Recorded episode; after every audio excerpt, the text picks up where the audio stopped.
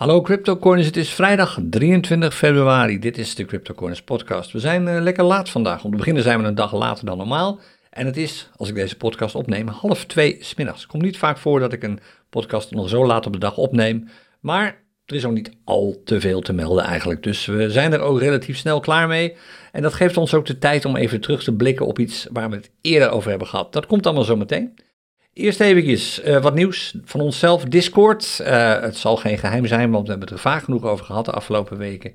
We verhuizen naar Discord met de Crypto Corners community. Even wat, wat angst wegnemen. Sommige mensen denken dat dit betekent dat alles naar Discord verhuist. Dus geen YouTube-video's meer, geen podcast meer. Al dat soort dingen. Dat is dus niet waar. Dat blijft allemaal gewoon. Alleen de community verhuist naar Discord. Dus alles wat tot nu toe plaatsvond op met name Telegram dat zal voor, nou, ik voor 90, 95 procent vanaf nu allemaal plaatsvinden op Discord. En er wordt veel gepost op Discord op het ogenblik. Veel mensen die stellen zich voor, dat vind ik trouwens fantastisch, al die berichten te lezen van mensen die zich even voorstellen. Met name hun ervaringen, waar komen ze vandaan, hoe hebben ze cryptocoins leren kennen. Um, wat zijn hun ervaringen met cryptocoins, met de verschillende tradingstrategieën. Super om dat soort dingen te lezen, blijf dat alsjeblieft posten. Maar er zijn ook veel discussies op Discord over trading technieken, over tips, over VPN. Van alles komt er voorbij. Als je nog geen lid bent van Discord, ja, ik raad je aan, zet gewoon die stap. Het is niet zo moeilijk als je misschien denkt dat het is. Het is best laagdrempelig. Dus misschien een paar keer extra klikken, misschien een paar keer nadenken over hoe zou, je dit, hoe zou dit werken. Maar het is allemaal gratis. Wat heb je te verliezen? Ik zou zeggen, word gewoon lid van die Discord community. www.cryptocoins.nl slash Discord.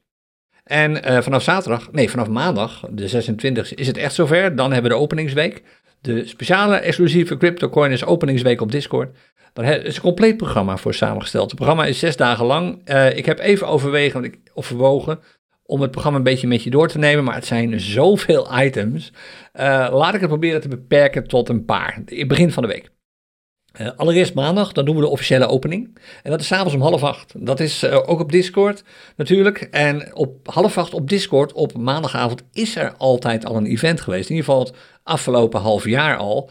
Twee inmiddels binnen Discord beroemde Discord-leden, Cedar en Octavi, die uh, hebben altijd de gewoonte om s'avonds om half acht te gaan live traden daar. Dan traden ze met, volgens mij de meeste keren, de vaakst doen ze dat met de CryptoCoins day trading strategie. Dat is een vaste waarde geworden op Discord. Er zijn altijd een groot aantal mensen ook aanwezig. Maar we gaan dat maandagavond op een wat specialere manier doen. Een aantal creators komen namelijk ook even langs aanstaande maandagavond. Ik ben er zelf ook bij. Verheug ik me nu al op. Het is fantastisch om even op dat podium te springen. Ik doe dat af en toe spontaan ook wel even tussendoor, maar nu doen we het gepland. En we gaan wat goodies weggeven. Ik weet niet wat de goodies zijn, maar het zijn ongetwijfeld wel weer mooie collectors items. Dus dat is maandagavond op Discord om half acht. Dan aanstaande woensdag CryptoCoins Café en aanstaande donderdag het CryptoCoins Clubhuis. Gewoon op de normale manier via YouTube, je weet hoe dat gaat. Maar zowel woensdag als donderdag beginnen we een half uurtje eerder. Dus het café begint woensdag om 7 uur en het clubhuis begint donderdag om 7 uur. Ze duren ook wat korter, de bijeenkomsten. Ze duren namelijk maar een uur. Daarna schuiven we door naar Discord voor de afterparties. En tijdens de CryptoCoins Café afterparty, dus aanstaande woensdag om 8 uur is dat op Discord, praat ik met Amar via een live sessie. Je kunt Amar vragen stellen, je kunt je mening geven over Hypertrader, over de beslissingen die zijn genomen bij Hypertrader als het gaat om de gratis versie ervan. Allemaal woensdagavond om 8 uur. En donderdagavond om 8 uur dan verhuist Kevan voor zijn afterparty ook naar Discord. En doet daar samen met Vivi en met Daan de CryptoCoiners Quiz Night. Ze gaan dan uh, allerlei vragen stellen die te maken hebben met CryptoCoiners en met de CryptoCoiners community. En de winnaar, degene die dus gewoon het meeste weet over CryptoCoiners en de CryptoCoiners community, en het mag geen medewerker zijn, die wordt beloond met een, zoals het hier in mijn script staat, leuke, unieke prijs. Ik heb geen idee wat het is. En er zijn nog meer Discord-events gepland. Eentje pik ik er nog even uit, dat is Sabrina.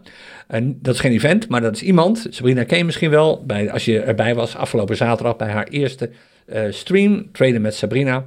Aanstaande vrijdag 1 maart is Sabrina er weer en dan is er op Discord een unieke Traden met Sabrina sessie. Wanneer het precies is, weet ik nog niet.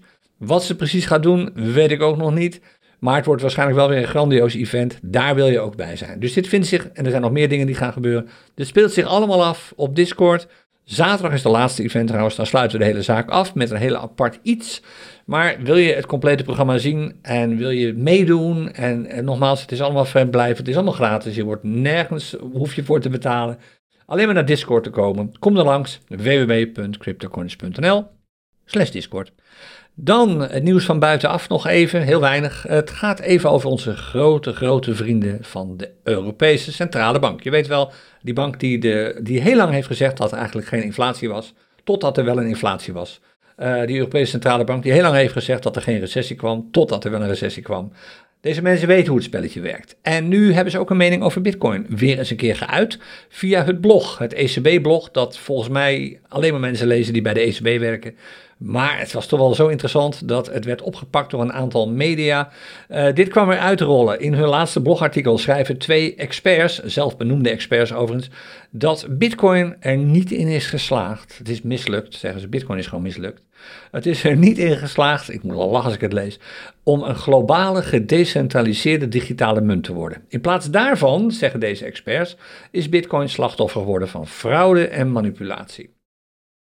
Oké, ik laat het aan jou over om hier zelf een mening over te vormen, ook over ECB. En vervolgens zeggen ze ook nog dat de goedkeuring van een Bitcoin-ETF kort geleden, oké, misschien dat deze mensen nog wat verder willen lezen, meer dan één Bitcoin-ETF goedgekeurd, verandert het feit niet dat Bitcoin duur is, dat het langzaam is en dat het moeilijk te gebruiken is. Oké, goed, tot zover. Meer gaan we er niet over zeggen. Tot zover de mening van ECB, die natuurlijk wordt overgenomen door de bloglezers, zoals natuurlijk ook de, de DNB in Nederland, de Nederlandse Bank, zoals ze eigenlijk officieel heten. Uh, ja, dat gaan we natuurlijk allemaal weer terugzien in de vorm van nog meer regulering die op nog minder slaat. En waar steeds meer mensen gewoon moeite mee beginnen te krijgen. Hoe lang kan dit nog doorgaan, vraag je je dan af. Iedereen die nu nog steeds vindt dat de Nederlandse bank en de ECB goed voor hen zorgt en er goed voor zorgt dat de waarde van je geld wordt bewaakt en uh, ook effectief wordt bewaakt, ja, goed, die zou een keer achter zijn oren moeten krabben. Oké, genoeg over deze mini-rant.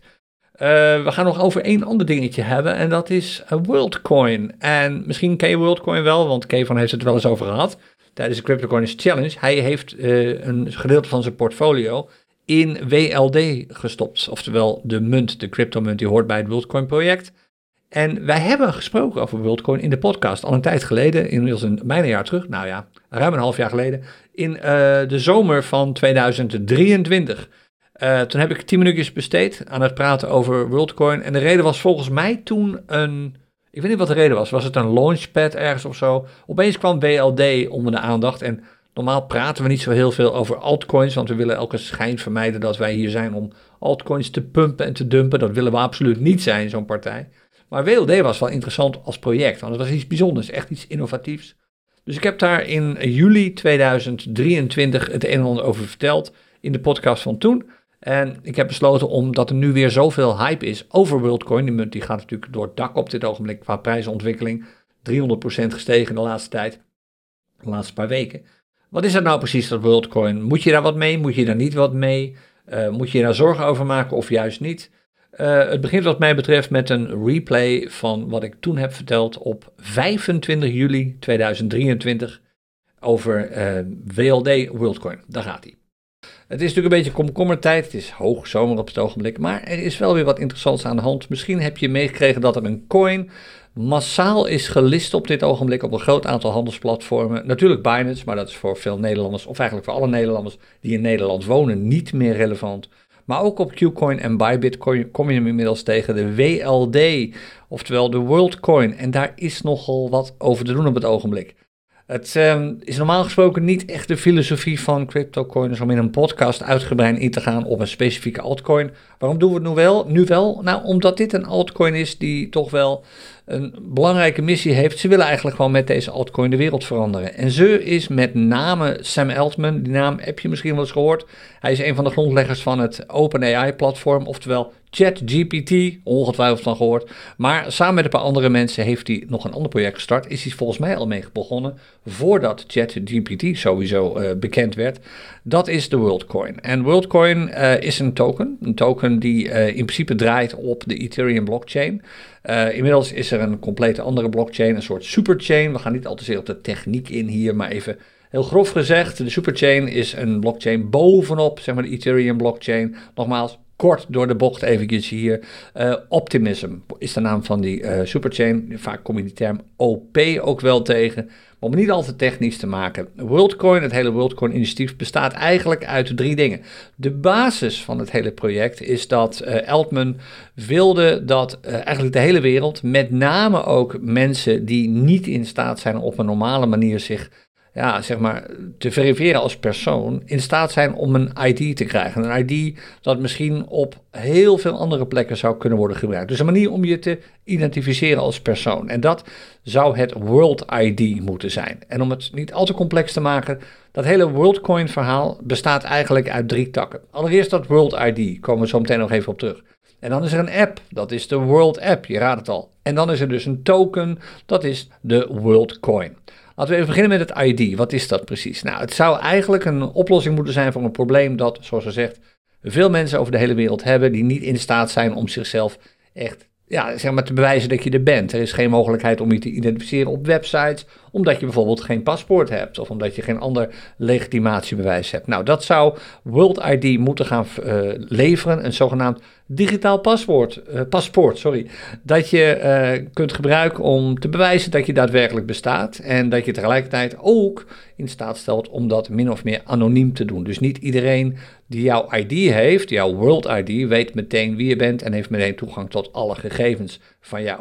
Een belangrijk probleem dat je bijvoorbeeld bij het paspoort wel hebt en met andere legitimatiebewijzen. Kijk naar een situatie waarbij je je moet identificeren of verifiëren op een handelsplatform Bijvoorbeeld op Qcoin of op Bybit. Ja, je geeft veel gegevens weg. Je moet een kopie toesturen van je paspoort. Daar staat je eh, BSN, je burgerservice nummer op. En dat is informatie die je misschien niet meteen wil delen met een platform dat je niet kent. Want je weet nooit of daar misschien niet gewoon een keer misbruik van wordt gemaakt. Nou, World ID zou zelfs dat probleem kunnen oplossen. Let op, zou kunnen. Zover is het allemaal nog lang nog niet. Maar dat was niet echt de primaire focus. De primaire focus was eerder zorgen dat mensen die helemaal geen paspoort hebben en er gewoon niet aan kunnen komen, omdat het gewoon eigenlijk nauwelijks beschikbaar is voor het land waarin je woont, in staat zijn om toch aan een ID te komen. En dat World ID, dat kun je op dit ogenblik al krijgen via een zogenaamde ORB. En een ORB is een apparaat, daar bestaan er op dit ogenblik een aantal van op de hele wereld. Zijn niet zo heel veel, nog een enkele tientallen. Ook nog niet overal beschikbaar. Dit rolt echt heel langzaam uit. Het, is een, het ziet er ook uit als een bol eigenlijk. En het is een apparaat dat in staat stelt om jouw iris te scannen. En dat vervolgens op basis daarvan uniek World ID genereert.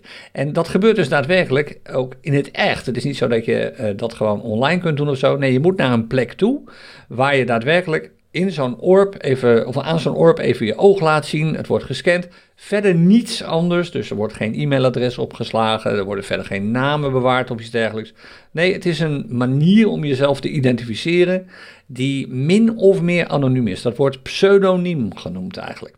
En vervolgens kun je dat ID opslaan, en dat zul je ook tegelijkertijd willen doen, in een speciale app. En dat is de World App. Een app die je op dit ogenblik al kunt installeren, op je smartphone bijvoorbeeld. Het is eigenlijk, tenminste zo zie ik het, is eigenlijk niets anders dan een, een, een behoorlijk gelimiteerde uh, wallet. Gewoon een, een wallet waarin je crypto kunt bewaren. Niet zo heel veel munten kun je erin stoppen op dit ogenblik, maar je kunt er crypto inzetten en het is dus nauw gekoppeld aan jouw World ID. Dus dat is eigenlijk de basis van alles. Eigenlijk die app. Nou, die World App, die heeft dus jouw World ID uiteindelijk opgeslagen. En als dat eenmaal het geval is, kun je ook daadwerkelijk met die app gaan betalen. En kun je die app gebruiken om misschien op termijn nog veel meer dingen te doen. Dus online bijvoorbeeld te bewijzen dat je echt bestaat, dat je een persoon bent. En je kunt misschien afhankelijk van het land waarin je woont gebruik maken van coin drops, gratis tokens die je krijgt uitgedeeld. Maar nogmaals, alleen maar als je in bepaalde landen woont. Landen woont. Dat geldt zeker niet voor Europa, het geldt zeker ook niet voor Amerika. En de planning is dus, of eigenlijk de strategie erachter is, dat straks iedereen die World App op zijn smart uh, smartphone heeft staan, iedereen zich heeft gelegitimeerd of via zo'n orb kenbaar heeft gemaakt.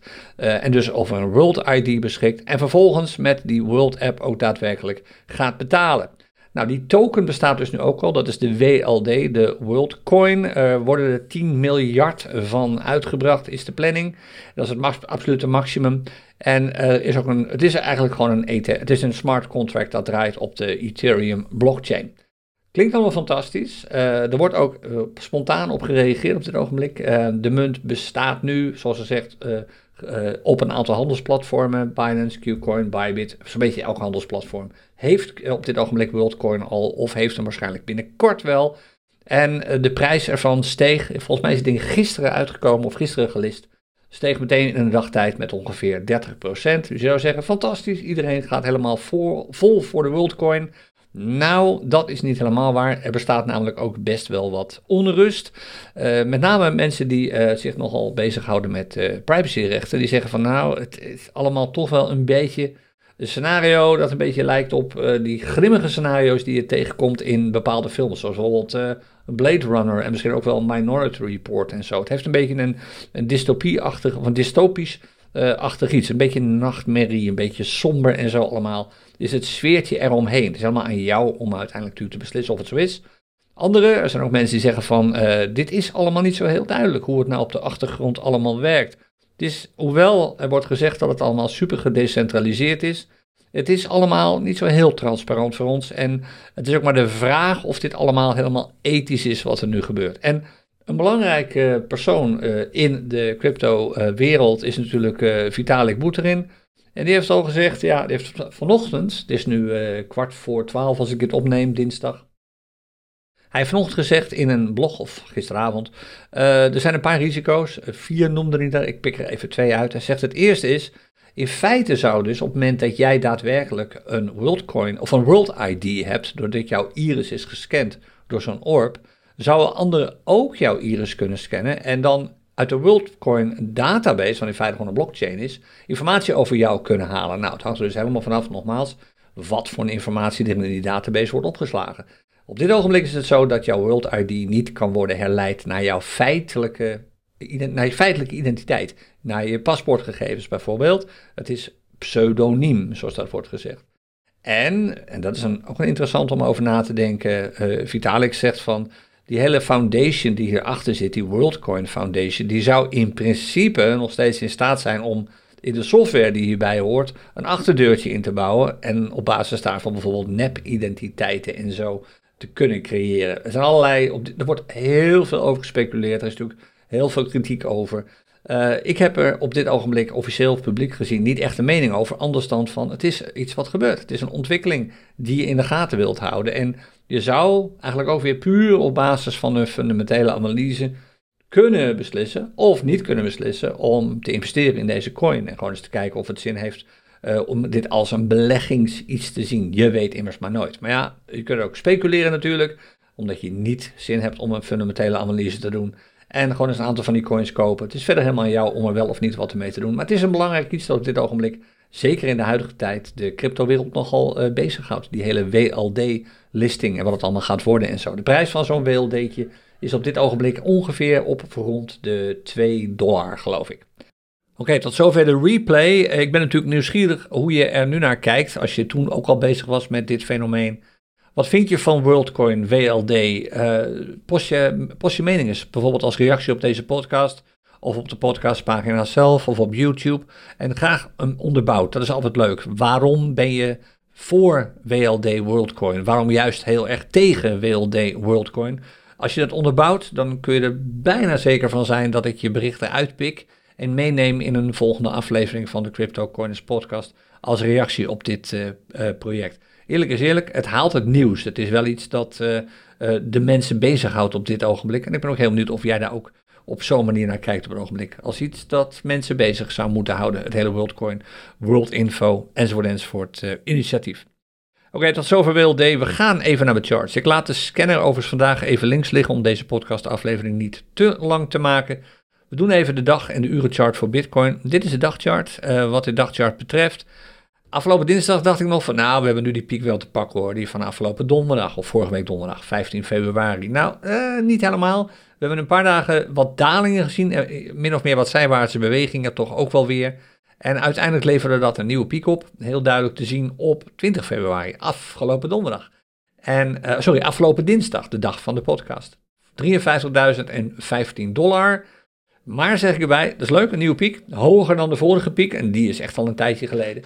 Maar deze piek is misschien op dit ogenblik wel een van de weinige positieve dingen op deze chart. Want als je verder naar de chart kijkt, dan is precies datgene gebeurd waar ik afgelopen dinsdag al wat over riep. Namelijk die PSAR, die Parabolic Stop and Reverse. Kijk naar dat plusje dat afgelopen dinsdag nog net niet werd geraakt. Maar afgelopen woensdag wel. En toen schoof daardoor, toen is de prijs gedaald tot op het niveau van die Parabolic Stop and Reverse. En daardoor is dat ding nu opeens bearish geworden. Die parabolic stop and reverse staat nu boven de prijs. Al drie dagen op rij op dit ogenblik. En de prijs moet nu stijgen tot boven de 53.000 dollar. Om dat plusje weer onder de prijs te krijgen. Dan wordt die indicator weer bullish. Maar zover is het op dit ogenblik nog niet. Als je kijkt naar de laatste paar candles, die zijn allemaal rood. Het levert natuurlijk ook een wat lager rapportcijfer op. Een 5 en geen 7 meer. Als je nu naar die, um, naar die candles kijkt, dat gaat eerder naar beneden dan naar boven op dit ogenblik. En dat wordt bevestigd door nog meer indicators. Kijk naar de Keltner Channels bijvoorbeeld. De prijs is een week of twee lang volgens mij. Dit was ja, vrijdag 9 februari, precies twee weken geleden. Is twee weken lang, nee nog niet eens twee weken lang, bijna twee weken lang boven de Keltner Channels gesloten. In ieder geval tot en met de podcast aflevering van afgelopen dinsdag. Nou, nu niet meer hoor. Uh, woensdag dook je eronder. Gisteren is hij eronder gesloten. Vandaag weet ik nog niet, maar twee dagen lang al onder. Dat laat zien dat het bullish momentum weg is. Er wordt nu niet meer op het gaspedaal getrapt. Zie je trouwens ook aan de prijsontwikkeling hier. De meeste candles uh, bewegen niet zo heel veel. Een soort contractie gehad tot en met afgelopen woensdag. En nu zie je gewoon een prijsdaling ontstaan. Neutrale Keltner channels. Een bearish parabolic stop and reverse. En wat voor mij ook absoluut veel uh, betekenend is. De OBV-indicator is van dinsdag op woensdag omgeslagen van bullish naar bearish. Dat is een toekomstvoorspeller, voor mij in ieder geval. Deze gele en rode lijn van de OBV-indicator moeten niet te ver uit elkaar gaan liggen, want dan kan het hard gaan. En wanneer gebeurt dat? Heel simpel. Als er vandaag of in het weekend een hoop volume bij komt en de prijs blijft dalen, dan is de weg ingezet dik naar beneden en er zijn een paar levels die ik in de gaten houd. Om te beginnen op de dagchart. Die gele lijn hier, als je meekijkt, dat is gewoon de MA20, het voortschrijdende gemiddelde van de laatste 20 sluitprijzen. Die staat op dit ogenblik rond de nou, iets onder de 49.000 dollar, 48.900 nog wat. Hij zal iets gaan stijgen nog de komende paar dagen en dan vlakt hij af. En dat komt, deze gele lijn volgt de laatste 20 sluitprijzen. Dus dat wordt nu langzaam maar zeker minder die stijging. Ah, want we hebben een flinke stijging gehad natuurlijk van de candles. Nu zie je een stijging van die MA20. Nou, dat vlakt af omdat de candles al een aantal dagen niet meer in sluitprijs zijn gestegen. Dus dit wordt een, een min of meer rechte, rechtachtige lijn. Rond de, ik denk 49.300 of zo. Nou, dus dat is een level om in de gaten te houden. Daar wil je niet onder komen. De prijs wil je daar niet twee of drie dagen onder zien sluiten. Want dat is een bearish signaal. De, de trend op deze dagchart is voorlopig nog een lange tijd bullish. Dat duurt minimaal nog twee, drie dagen voordat hij sowieso zou kunnen omslaan naar berries. Maar die gele lijn, als de prijs daar een paar dagen onder sluit, dan weet je eigenlijk al dat die trough die we nu hebben staan, dat dal met een prijs van 42.000 dollar, 42.200 dollar, een realistisch doel begint te worden, een koersdoel. Dan wordt dus de correctie waar ik het afgelopen dinsdag over had, eh, heel erg waarschijnlijk. Dat is iets waar je rekening mee wilt houden. Maar er is nog een signaal. Eerder komt dat al. Dus dit is signaal nummer 1. Uh, eh, eigenlijk het belangrijkste signaal. Als de prijs daaronder duikt, een paar dagen op rij, daar dus ondersluit, rond de uh, MA20 prijs op dat ogenblik, weet je dat die 42200 binnen bereik gaat komen. De urenchart laat een ander dingetje zien. Als je kijkt naar de urenchart en we kijken even terug naar eigenlijk de periode sinds 14 februari, inmiddels al ruim een week geleden, was woensdag om 10 uur s ochtends. Toen hebben we met een wick aan de onderkant een bepaald punt bereikt. Nou, leuk en aardig, niet zo heel spannend. Maar kijk even naar de prijs op zaterdag de 17e. Twee uur na elkaar. Eerst om drie uur s middags en daarna om vier uur s middags werd datzelfde punt ook getest. We kijken nog even verder naar afgelopen woensdag. Toen werd s middags om 12 uur dat punt, 1 uur dat punt getest. En wat later op de avond, om 8 uur, tijdens het café, werd dat punt nog een keer getest. Dit punt hier, die, of deze, deze lijn hier, die groene lijn, is sinds we er doorheen zijn gebroken, eigenlijk voor de eerste keer sinds lange tijd, op 14 februari, een belangrijke supportzone geworden. Maar hij wordt nu zo vaak geraakt dat de kans groter en groter wordt dat hij breekt. En als deze support breekt, dus als de prijs nu daadwerkelijk een keertje onder de 50.631 dollar komt, dan is dat een voorbode. Dan wil je meteen dat is geen goed teken. Hij hoeft er niet onder te sluiten, hij hoeft alleen maar onder te komen. Dan is er een uitbraak, naar mijn mening, naar de, richting de uh, MA20-lijn hier is niet meer onwaarschijnlijk. Dan is de kans vrij groot dat we daar doorheen breken zelfs. Dus dat is iets wat ik in de gaten houd. Eerst deze prijs hier, die 50.631 dollar op de urenchart. Breekt de prijs daar doorheen, sluit hij er, hij hoeft niet eens te sluiten, hij alleen maar onder te komen. Dan ga ik meteen focussen op deze MA20-lijn op de urenchart. En als de prijs hieronder komt, onder die 49.000 nog wat, dan durf ik wel een weddenschapje aan dat we die 42 een keer gaan zien. 243.000 dollar. Die zone gaan we dan bereiken. Kan dan haast niet meer anders. Terwijl de trend gewoon bullish blijft op de dagchart. Want dat krijg je nou eenmaal als je zo'n brede band hebt. Als het verschil tussen het dal dat we voor het laatst hebben gezien op 4 februari en de piek die we hebben gezien een paar dagen geleden, als dit verschil maar liefst 11.000 dollar is, oftewel bijna 25%, misschien ruim 50%, ten opzichte van het dal, ja, het is ruim 25%, 25,8%. Dat is een enorm verschil. Voor een, dat is een enorme range. Ja, dan kun je ook enorme bewegingen verwachten. Zo is dat nou eenmaal. Na een prijsstijging komt altijd een prijsdaling. En zo'n geometrische prijsstijging als we hebben gezien sinds begin februari, wordt vaak gevolgd door een flinke correctie. Minimaal 10, misschien wel 20 procent. Dus ik blijf echt nog even bij mijn verwachting van afgelopen dinsdag. En je ziet helaas nu ook dat een gedeelte van die verwachting begint uit te komen, want we hebben rode candles op rij gezien. Het is allemaal niet zo heel spannend dit hoor, want dit is een correctie. Die hoort gewoon bij een opwaartse trend. Iedereen weet dat uh, bitcoin waardevol is, behalve bij de ECB. En iedereen weet ook dat de halving eraan komt die bitcoin alleen maar waardevoller maakt. Hebben we dinsdag ook over gehad. Dus dit is niet iets om je zorgen over te maken, hooguit iets, wat mij betreft, om van te profiteren. Door bijvoorbeeld te zeggen, oké, als een bepaald kritisch punt wordt bereikt, bijvoorbeeld die 50.600 die ik net aangaf, uh, shorten, oftewel verkoop wat bitcoin, zet natuurlijk meteen een stop-loss buy order aan de bovenkant, om te voorkomen dat je wordt verrast door een prijsstijging. Maar verkoop wat en koop het terug als de prijs daadwerkelijk aan het dalen is in stukjes, zodat je uiteindelijk voor dezelfde hoeveelheid dollars meer bitcoin hebt. Daar, dat is uiteindelijk waar het natuurlijk voor heel veel mensen om gaat. Nou, dat wat bitcoin betreft, de urenchart hebben we er ook al even bij gepakt, ziet er allemaal niet zo heel gunstig uit, ook verder hier. Je ziet een wat dalende trend, je ziet ook wat contractie ontstaan, maar je ziet duidelijk dat supportniveau. En je ziet dat de prijs, er zit nu geen momentum in. Kijk, de, de MA20 en de MA50 liggen vlak bij elkaar. De prijs zit onder die MA20 en eh, onder die MA50 komt gewoon niet echt in beweging. Volume wordt nu ook wat minder. Natuurlijk is het weekend, maar toch, dat daar hebben handelsplatformen toch wat minder mee te maken dan je zou verwachten. Ook het volume van maandag. Hè. Iemand, een paar mensen die posten van ja, pas op, dat maandagvolume, dat het zo weinig was, dat komt door de vrije dag in Amerika. Nee hoor. Het meeste handelsvolume dat wij zien op het platform waar we naar kijken, Bitstamp bijvoorbeeld, komt echt niet uit Amerika. Het meeste komt uit Azië. Dat is heel simpel. Heel veel Koreanen. Dus sta echt van te kijken hoeveel Koreanen op Bitstamp handelen. En die creëren het volume en niet Amerika. Dat speelt niet of nauwelijks een rol. Veel minder dan je zou verwachten op basis van wat er allemaal in Amerika wordt geroepen en gezegd over Bitcoin en ETF's en zo. Dus het volume neemt allemaal een beetje af. Belangstelling is even een beetje weg. Ik las trouwens wel weer dat de inflow in ETF's weer groter was geworden gisteren. De markt lijkt alweer een beetje te zijn hersteld van de laatste paar dalingsdagen. We gaan het zien. Nogmaals, je weet waar ik inmiddels op let. En doe jezelf je eigen analyse. En vertel desnoods in de chat. Het is altijd leuk om deze dingen te lezen. Of in de reacties op deze podcast. Waar let jij op? Op welke basis uh, beslis jij of we wel of niet weer aan een volgende flinke daling zijn begonnen of juist niet? Post de reacties. De leukste pik ik er gewoon uit. En bespreken we hier in de podcast. Hoe is het met goud? Niet veel veranderd. Dat channel is er nog steeds.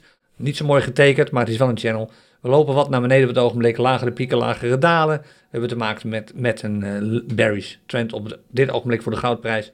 Ook geen wonder, want heel Wall Street op dit ogenblik vlucht in aandelen van eigenlijk maar één bedrijf. Ja, ze kopen er wel meer, maar er is maar één bedrijf dat het echt gigantisch goed doet op het ogenblik. En dat is Nvidia.